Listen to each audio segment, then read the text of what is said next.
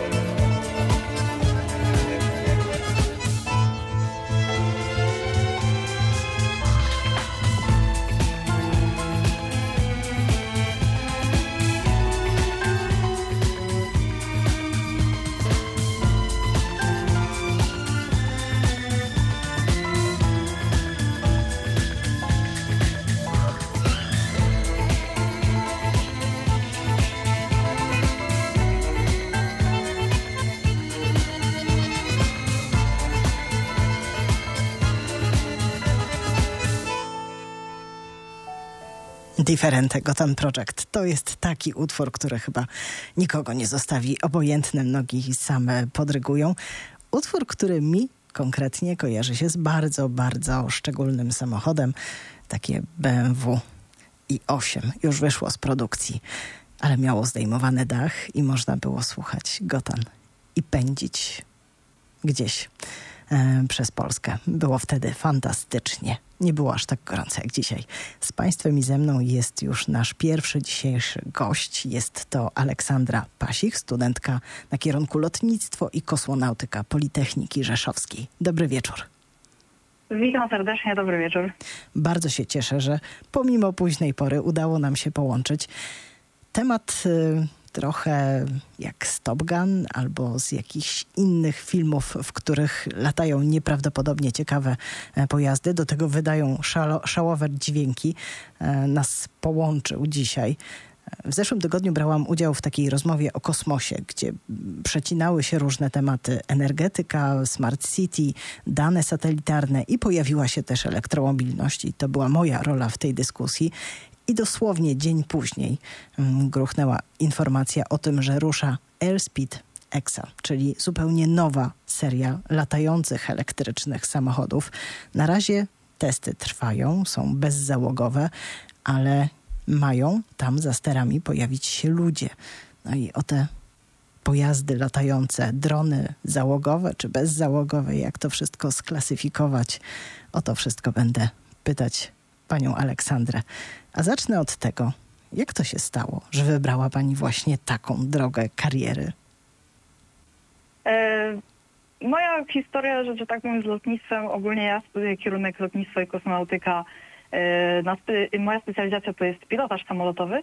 E, I polega to na tym, że oprócz tych, e, oprócz realizacji studiów e, w trybie dziennym, czyli uczęszczania na wykłady z tych przedmiotów o tematyce tam typowo inżynierskiej, żeby e, uzyskać, w celu uzyskania tego tytułu zawodowego inżyniera i potem magistra inżynieria. Realizujemy jeszcze e, szkolenie praktyczne i teoretyczne do licencji pilota zawodowego i później licencji pilota liniowego w Ośrodku Kształcenia Lotniczego naszej uczelni, który mieści się zaraz koło portu lotniczego Rzeszów-Jasionka.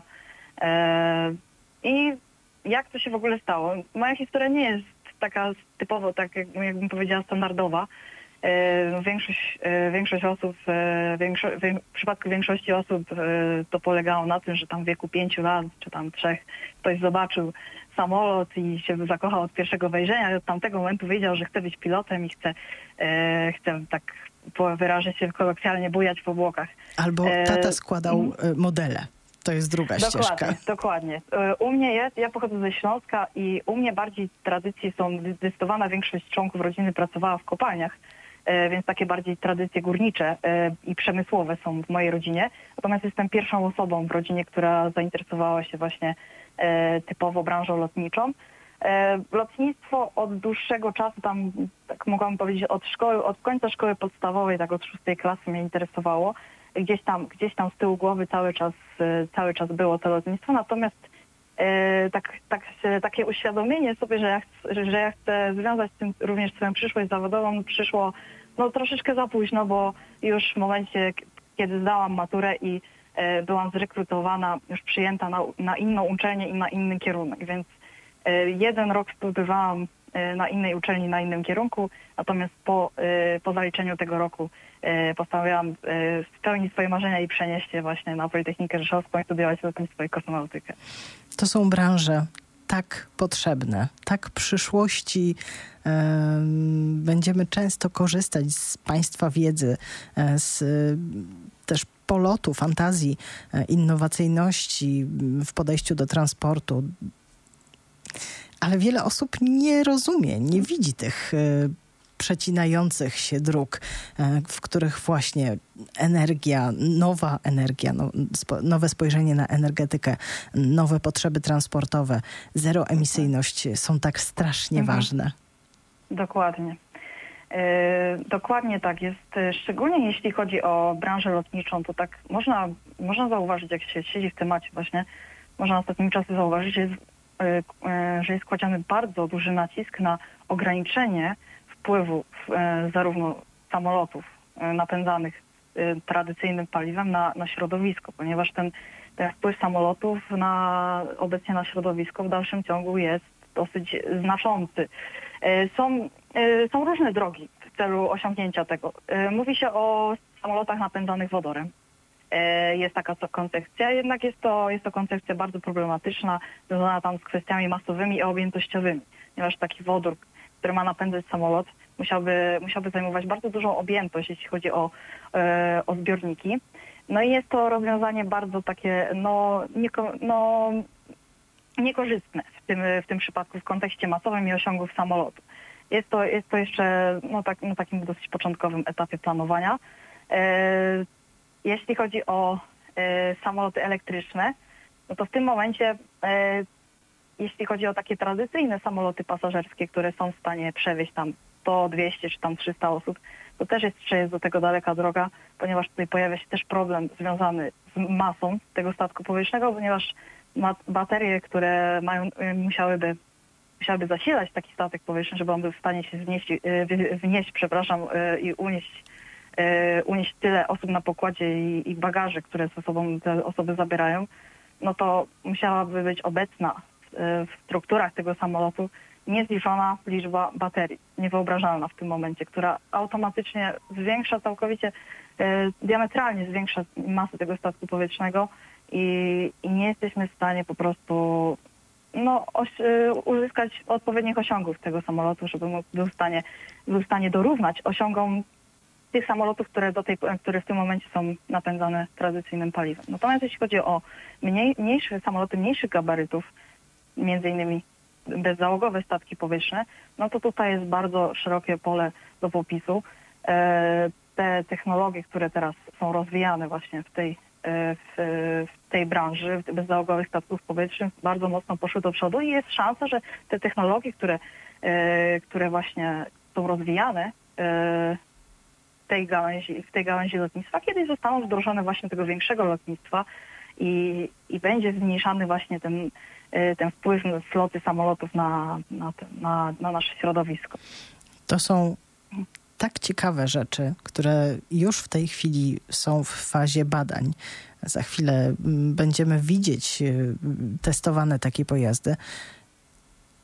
5-10 lat, kiedy to drony będą nam dostarczać y, paczki, kiedy będziemy mogli wysłać zamiast kurierem, e, takim ludzkim kurierem, to dronem, e, nie wiem, ciepły obiad do kogoś z rodziny na drugim końcu miasta, jak pani myśli? E, dokładnie. Moje, moje przewidywania są podobne, powiem szczerze, bo już w tym momencie jesteśmy, któraś, któraś z firm dostawczych właśnie, która dostarcza, któraś z restauracji, która dostarcza jedzenie na zamówienie, już testowała właśnie tę koncepcję przewożenia jedzenia dronem. E, no i testy wyszły pomyślnie. W tym momencie, e, dlaczego to nie jest jeszcze tak e, bardzo rozpowszechnione? Ze względu na to, że w kwestii transportu bezzałogowców, w kwestii bezzałogowców jest bardzo mało regulacji prawnych w tym momencie. Jest bardzo wiele spraw nieuregulowanych prawnie. E, zarówno my jako Polska, jak i Europa musimy to wszystko nadgonić i dopiero jak te regulacje prawne wszystkie będą jasno sformułowane i wprowadzone, zaimplementowane, to wtedy dopiero będzie można myśleć mm, dużo poważniej na temat właśnie e, e, stosowania bezzałogowych statków powietrznych, między innymi w celu dostarczania, tak jak pani mówi, paczek i, i ciepłego jedzenia z restauracji, czy tam leków. Dokładnie, czy przede wszystkim leków i też ważna sprawa narządów do transplanta, do, do narządów do przeszczepu. Dokładnie, to jest, to jest bardzo istotna kwestia, ponieważ e, to jest bardzo przyszłościowe zastosowanie, e, ponieważ no, jak wiemy, transport, e, transport e, narządów karetką jest oczywiście, oczywiście e, ten czas jest, ludzie starają się ten czas skracać do minimum, ale zauważmy, że w zakorkowanym mieście, zanim samochody utworzą korytarz życia dla karetki, to minie e, trochę tego czasu jednak. Mm, problemu takiego nie miałyby właśnie bezzałogowce. E, dużo, dużo mniej czasu by, dużo mniej czasu po prostu by zeszło na transport takiego narządu, a wiemy, że w przypadku przeszczepów czasami minuty mają bardzo duże znaczenie. Zanim zaprzęgniemy te bezzałogowce do bardzo poważnych zadań, czeka nas y, trochę rozrywki, no i stworzenie takiego poligonu doświadczalnego. Ten poligon tworzy się w tej chwili w Australii to, co czytamy, to, co widzimy na nakręconych, atrakcyjnych oczywiście bardzo e, filmach promujących ten nowy pomysł, nową serię, to jest wszystko fantastyczne. No tutaj też okazuje się, że żeby móc e, zrobić z tego bezzałogowca jednak pojazd, w którym pojawi się e, pilot za sterami, mm, no to potrzeba dużo testów i też regulacji prawnych. Czy taka seria to jest y, gra warta świeczki. Warto inwestować w tego typu rozrywkę, e, żeby potem odcinać kupony, bo już będziemy wiedzieć więcej. Czy są inne sposoby na to, żeby rozwijać tę gałąź? Uważam, że to jest bardzo dobry pomysł. Ja może opiszę to na przykładzie Formuły 1. E, w Formule 1 nie bez powodu startują fabryczne zespoły producentów samochodów osobowych, jak na przykład Renault, Ferrari czy też Mercedes, ponieważ rozwiązania technologiczne stosowane przez zespoły Formuły 1 bardzo często później są y, wykorzystywane również nie tylko w branży motorsportu, ale i całej branży automotive. I tutaj wliczamy w to również klasyczne samochody osobowe, którymi jeździmy na co dzień. Głównie chodzi tutaj o stosowanie tego samego oprogramowania, na przykład analiza aerodynamiki pojazdu, zarówno w odniesieniu do politów y, Formuły 1, jak i samochodów osobowych, bo wiemy, że ta aerodynamika samochodu osobowego też jest odpowiednio projektowana, żeby właśnie zmniejszyć opory w czasie, w czasie jazdy i przez to użycie paliwa. zużycie, tak. Dokładnie. I tak samo e, w tym przypadku myślę, że jeżeli seria Airspeedexa będzie odpowiednio rozwijana i zostanie odpowiednio przedstawiona i tak e, powiem kolokwialnie zareklamowana, e, to jest duża szansa, że w przyszłości dołączą do niej fabryczne zespoły największych producentów samolotów, czy też śmigłowców, jak na przykład Airbus, Boeing, i tak dalej. I rozwiązania technologiczne stosowane w takich statkach powietrznych jak Airspeeder Electric będą mogły potem zostać zastosowane w lotnictwie komercyjnym bądź też nawet wojskowym. No właśnie, świat y, samochodowy bardzo interesuje się tym, jak się odbić od ziemi, wznieść e, chociaż trochę w przestworza i Audi, wiele innych firm szuka takich połączeń, jak zrobić samochód, do którego potem przy, przyczepi się automatycznie bezzałogowiec i to wszystko razem gdzieś odleci. Kiedy dwa, trzy lata temu widziałam takie pomysły na targach motoryzacyjnych, to część osób e, nie, niespecjalnie była nastawiona do tego pozytywnie. Teraz, trzy lata później, po pandemii, która nas y, ostro przećwiczyła i pokazała, że właśnie te formy transportu bezzałogowego to jest doskonały sposób na dowiezienie leków, na dostarczenie mm, żywności. Teraz mówią, kurczę, a może to jednak ma sens. Dokładnie tak. No, pandemia mm, bardzo mocno zmieniła nastawienie społeczeństwa do wielu kwestii, do bardzo wielu kwestii, między innymi do, do, do tej kwestii, którą tutaj pani opisała. Także ja myślę, że jest to, jest to branża bardzo przyszłościowa. E, także powstanie tej serii to też e, no, można, by, można by poprosić o stwierdzenie, że akurat e, ogłoszenie o powstaniu tej serii może, może mieć też jakiś pośredni, e, pośredni właśnie związek z tym, że ludzie zmienili zupełnie nastawienie do, e, do kwestii właśnie bezzałogowców. I Polska ma Dolinę Dronową, którą chce rozwijać, którą bardzo promuje. Mamy już pewne regulacje, które zdaje się e, nawet trochę wyprzedzają to, co jest w innych krajach Unii Europejskiej. Mamy uczelnie w których no, mamy w Warszawie Instytut Lotnictwa z wielo, mhm. wieloletnim doświadczeniem. Mamy Politechnikę Rzeszowską. A czy mamy rzeczywiście już zaplecze, kadrę, która może pracować przy takich projektach? E, myślę, że jeśli chodzi o samo projektowanie właśnie takich konstrukcji, to jak najbardziej mamy. E, zarówno na Politechnice Warszawskiej, jak i Politechnice Rzeszowskiej, zresztą nie tylko na tych dwóch uczelniach, ale również E, również na uczelniach, na których nie ma kierunku stricte związanego z lotnictwem. Tutaj za przykład mogłabym powiedzieć Politechnikę Wrocławską, czy też e, Politechnikę Śląską. Pracuję tam, bądź też studiuję bardzo e, bardzo wielu ludzi, którzy bądź, bądź specjalizują się w tego typu tematach, bądź też pasjonują się e, tego typu tematami tam w godzinach poza, pozazawodowych, e, że tak powiem, po prostu zgłębiają wiedzę i wiedzę zarówno teoretyczną, jak i praktyczną na temat e, tego typu, e, tego typu tematów. Natomiast jeśli chodzi też o szkolenia operatorów, takich bezzałogowców, jest bardzo dużo prywatnych szkół, które, które, takie, które zapewniają takie szkolenia do licencji. Mm, Ponadto, mm, co by mi się tutaj nasunęło, być może dobrym pomysłem e, w przyszłości byłoby otworzenie takiego kierunku stricte związanego z bezzałogowymi, bezzałogowymi statkami powietrznymi, bądź przynajmniej specjalizacji związanej stricte e, z bezzałogowymi statkami powietrznymi. Tylko, że tutaj w tej kwestii potrzeba, no potrzeba po prostu czasu i obserwacji, w jaki sposób będzie się ta branża w naszym kraju rozwijać. Czy będzie, e, czy będzie e, z tego tytułu duże zainteresowanie. No bo żeby otworzyć taką specjalizację, to przede wszystkim trzeba wykazać inicjatywę i zainteresowanie. No, chwilę nam zajęło przygotowanie Centrum Kompetencji Pojazdów Autonomicznych i Połączonych. To centrum wystartowało tak naprawdę dwa tygodnie temu, chociaż kraje, chociaż, chociażby z Grupy Wyszehradzkiej widziały już potencjał w tego typu rozwiązaniach. No i powstał mm, tor, taki specjalny tor do testowania autonomicznych pojazdów e, na Węgrzech, Zalazon. O nim będę rozmawiać z naszym kolejnym gościem, a teraz już e, pożegnamy się e, z no, dziewczyną, która pewnie kiedyś doleci do gwiazd. Pani Aleksandro, tak, taki jest plan? No zobaczymy, jak się, jak się życie potoczy. Na razie, na razie pandemia dała się mocno we znaki naszej branży, branży lotniczej. E, zanim to się rozkręci, potrze- potrzebujemy troszkę czasu. Już, już jest o wiele lepiej niż było na pewno kilka miesięcy temu. No i mam nadzie- my miejmy nadzieję, że kiedyś się uda dotrzeć, do, usiąść, usiąść w tym kokpicie samolotu i, i zbić się w powietrze. No, ja jestem świeżo po um, obejrzeniu serialu For All Mankind, więc mam nadzieję, że ta historia pisana ręką dziewczyn kosmonautek i dziewczyn pilotujących samoloty to jest już na wyciągnięcie dłoni. Bardzo Pani dziękuję za to spotkanie.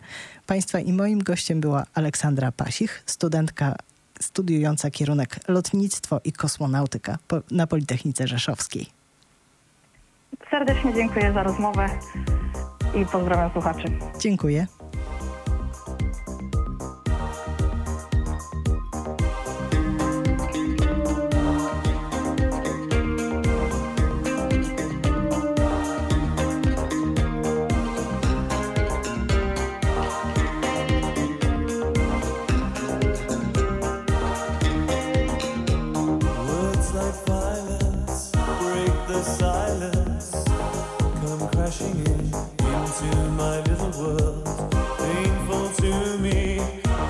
Right through me.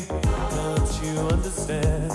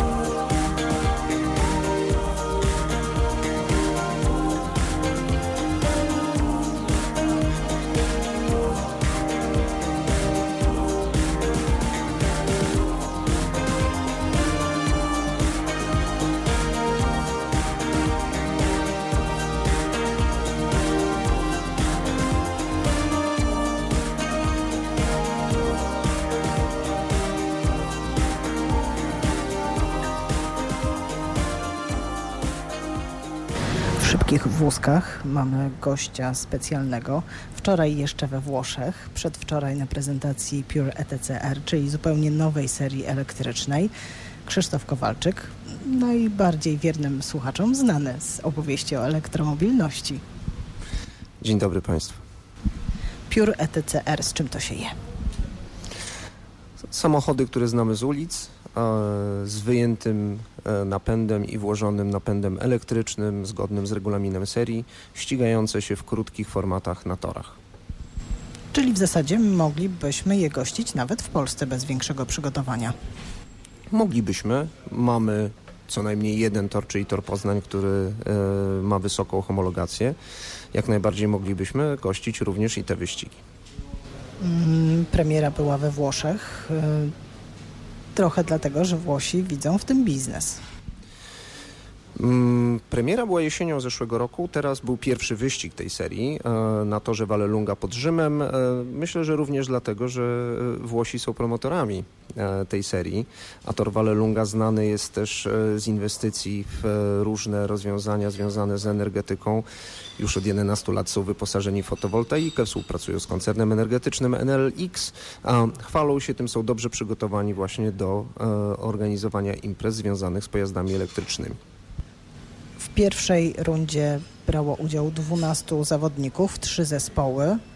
To nie jest na razie imponująca stawka, ale pewnie w kolejnych y, sezonach tych zawodników i zespołów pojawi się więcej i pewnie więcej firm. Kto na razie zainwestował?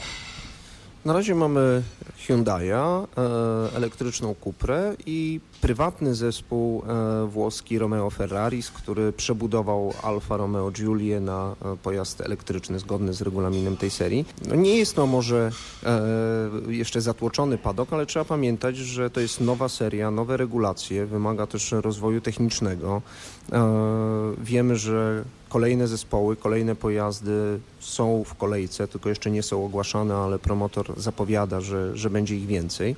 E, więc tutaj bym zupełnie spokojnie do tego podchodził. Bardzo dobrze, że mimo pandemii i opóźnień, które w wielu seriach, które zapowiadały elektryfikację, mimo tych opóźnień, które się zdarzyły, tu akurat ta seria wystartowała i, i, i w tym sezonie odbędzie się pięć wyścigów. Te pięć wyścigów e, to będzie poligon doświadczalny, bo tak naprawdę chyba w ten sposób trzeba traktować na razie takie współzawodnictwo. Wszyscy się uczą technologii. Dla mnie bardzo ciekawe jest y, zastosowanie wodoru. Na razie się nie chwalą tak bardzo tym, że mają na wyposażeniu ładowarkę, która dostarcza energię do samochodów, ale to jest ładowarka, która przetwarza wodór. Nie wiem, czy to jest tak, że się nie chwalą. Tak? E, ładowarka była wypromowana w specjalnym, e, w specjalnym namiocie, e, pokazana. Mm, na pewno umożliwia rozgrywanie tych wyścigów elektrycznych w zasadzie w dowolnym miejscu, na dowolnym torze, bo nie wymaga ani magazynów energii, ani mocnego przyłącza energetycznego.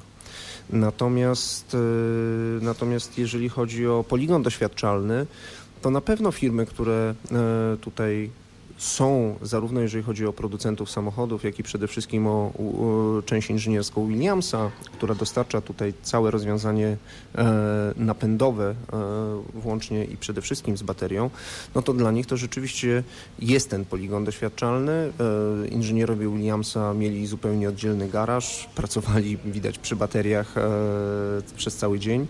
Natomiast e, to, co też mówi się przy okazji startu wyścigów tej serii, e, że jest to okazja do tego, żeby tak jak na początku motorsportu technologia przechodziła od pojazdów do sportowych, do pojazdów cywilnych, żebyśmy do tego trybu wrócili, bo dzisiaj, co padło e, w sobotę na, e, na prezentacji organizatorów, tak naprawdę często samochód cywilny na drodze ma niejednokrotnie więcej elektroniki, więcej systemów niż pojazd motorsportowy na torze.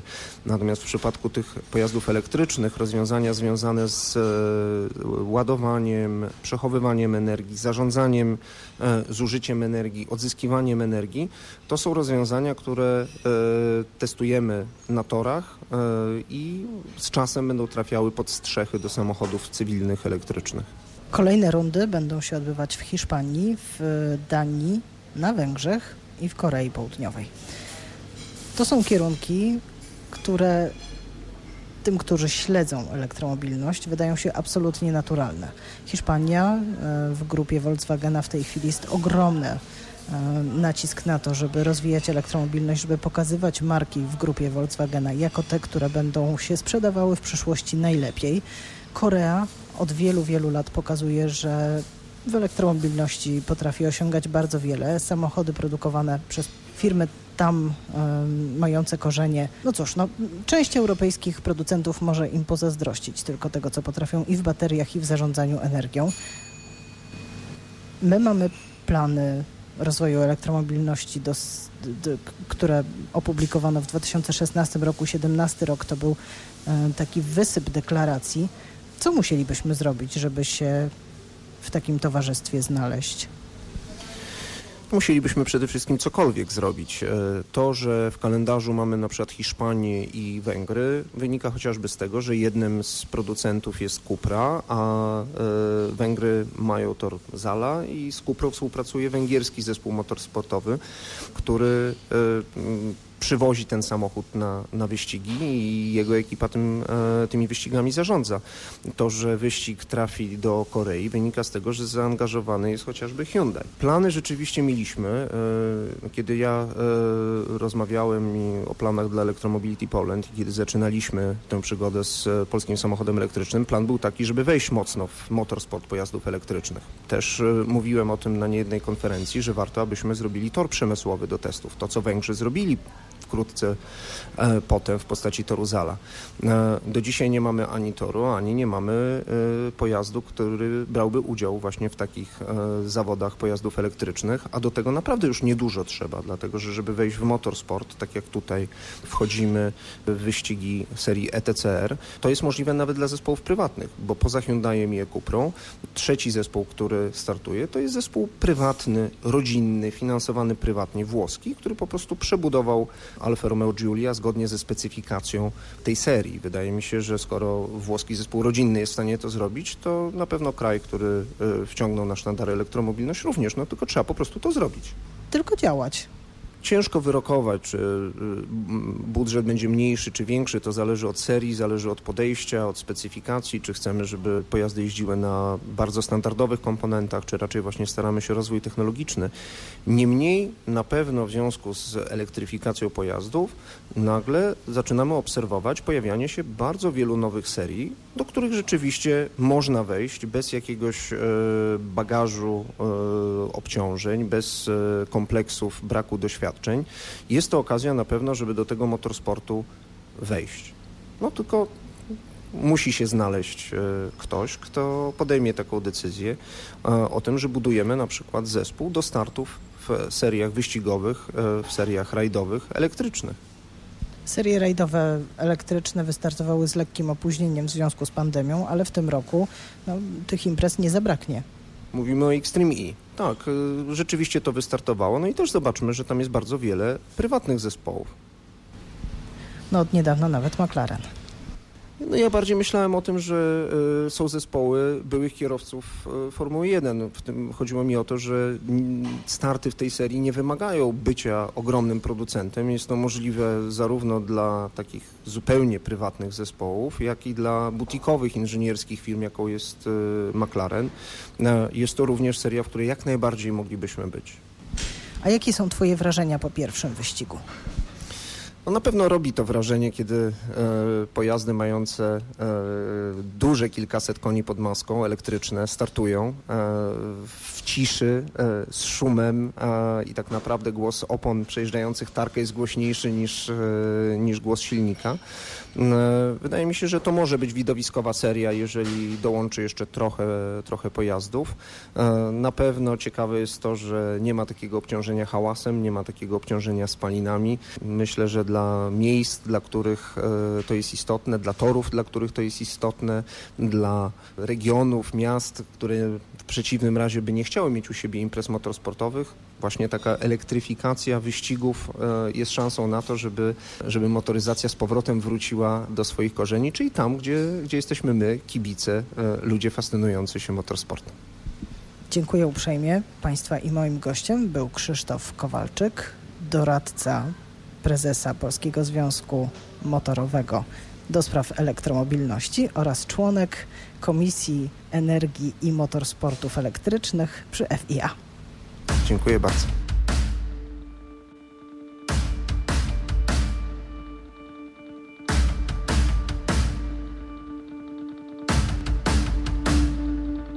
When the lightning strikes, let's stand together. When the moment comes, let's stand as one. In electric light, the world is watching. One by one, let's stand together. The race to the future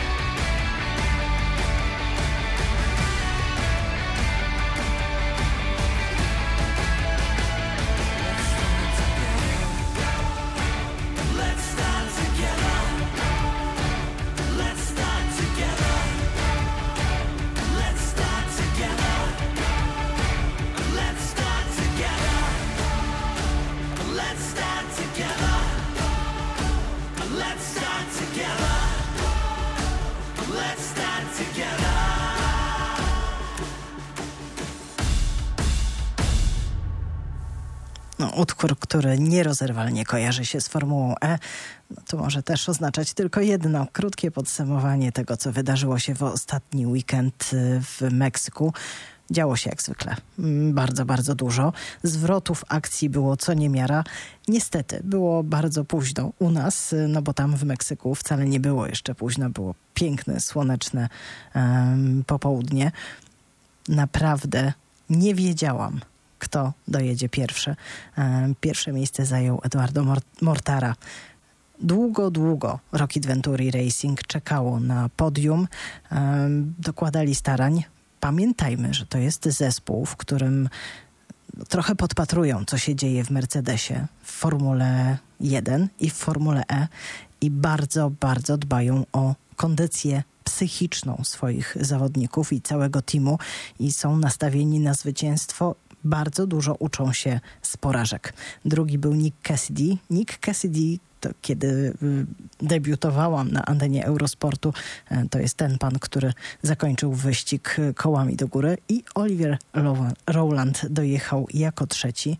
Mm, Naprawdę niebywale ciekawe widowisko. Niestety bez publiczności, no ale ten stan rzeczy się niedługo zmieni i następne mm, spotkania to już będzie Nowy Jork z publicznością, Wielka Brytania, Londyn też z publicznością, no i to już będą z powrotem wyścigi uliczne w mieście, no bo tym razem panowie ścigali się poza miastem. No i finał w Berlinie w sierpniu. Mam nadzieję, że dane mi będzie tam pojechać i opowiedzieć e, przynajmniej część tego zaplecza, co tam się takiego wydarzy. No i znowu przypomnę, Formuła E to jest doskonały poligon doświadczalny, chociaż to już jest siódmy sezon. Ale zobaczmy, w międzyczasie udało się tak wszystko przygotować, żeby mm, już teraz nie zmieniać samochodów w trakcie wyścigu. Zwiększa się pojemność baterii, a przed nami trzecia generacja pojazdów. Ja na chwilę znikam, zostawiam Państwa z Darią Zawiałow i news o dopłatach.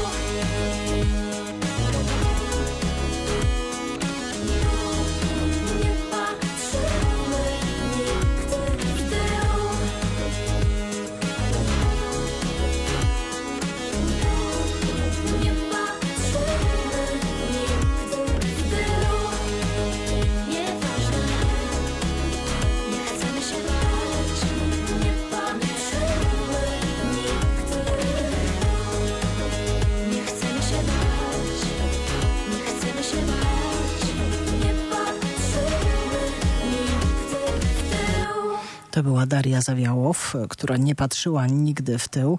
Na szczęście Narodowy Fundusz Ochrony Środowiska i Gospodarki Wodnej spojrzał e, na to, co wydarzyło się w zeszłym roku i przygotowuje się chyba tym razem w trochę inny sposób e, do tego, żeby uruchomić nowy program dopłat. Program, który zyskał tytuł Mój elektryk.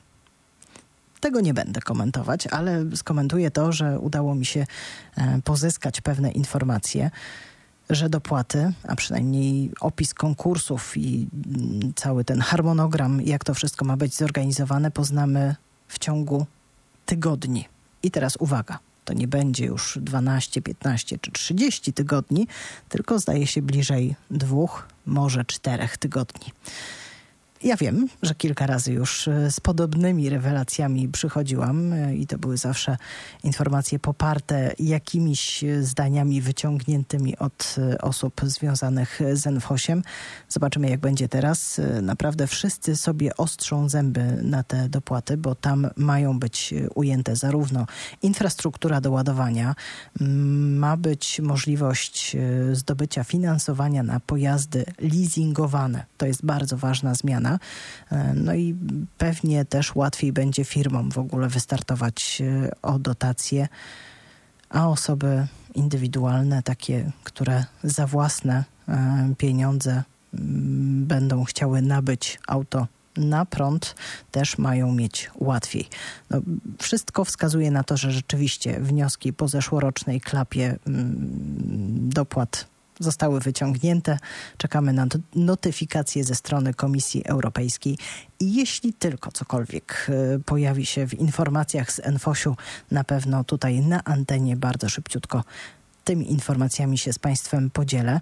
A teraz y, no, nieuchronnie zbliżamy się do godziny 23 czas y, pomyśleć o tym, co jutro przed nami. Y, przed nami jeszcze tutaj etnofaza w Radiu dla Ciebie.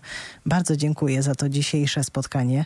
W przyszłym tygodniu będę chciała Państwu opowiedzieć trochę o zmieniających się regulacjach, o tym lobbingu, który jest bardzo, bardzo silny w tej chwili, żeby wprowadzić jednolite przepisy wykluczające dalszą sprzedaż samochodów spalinowych w 2020, 2035 roku.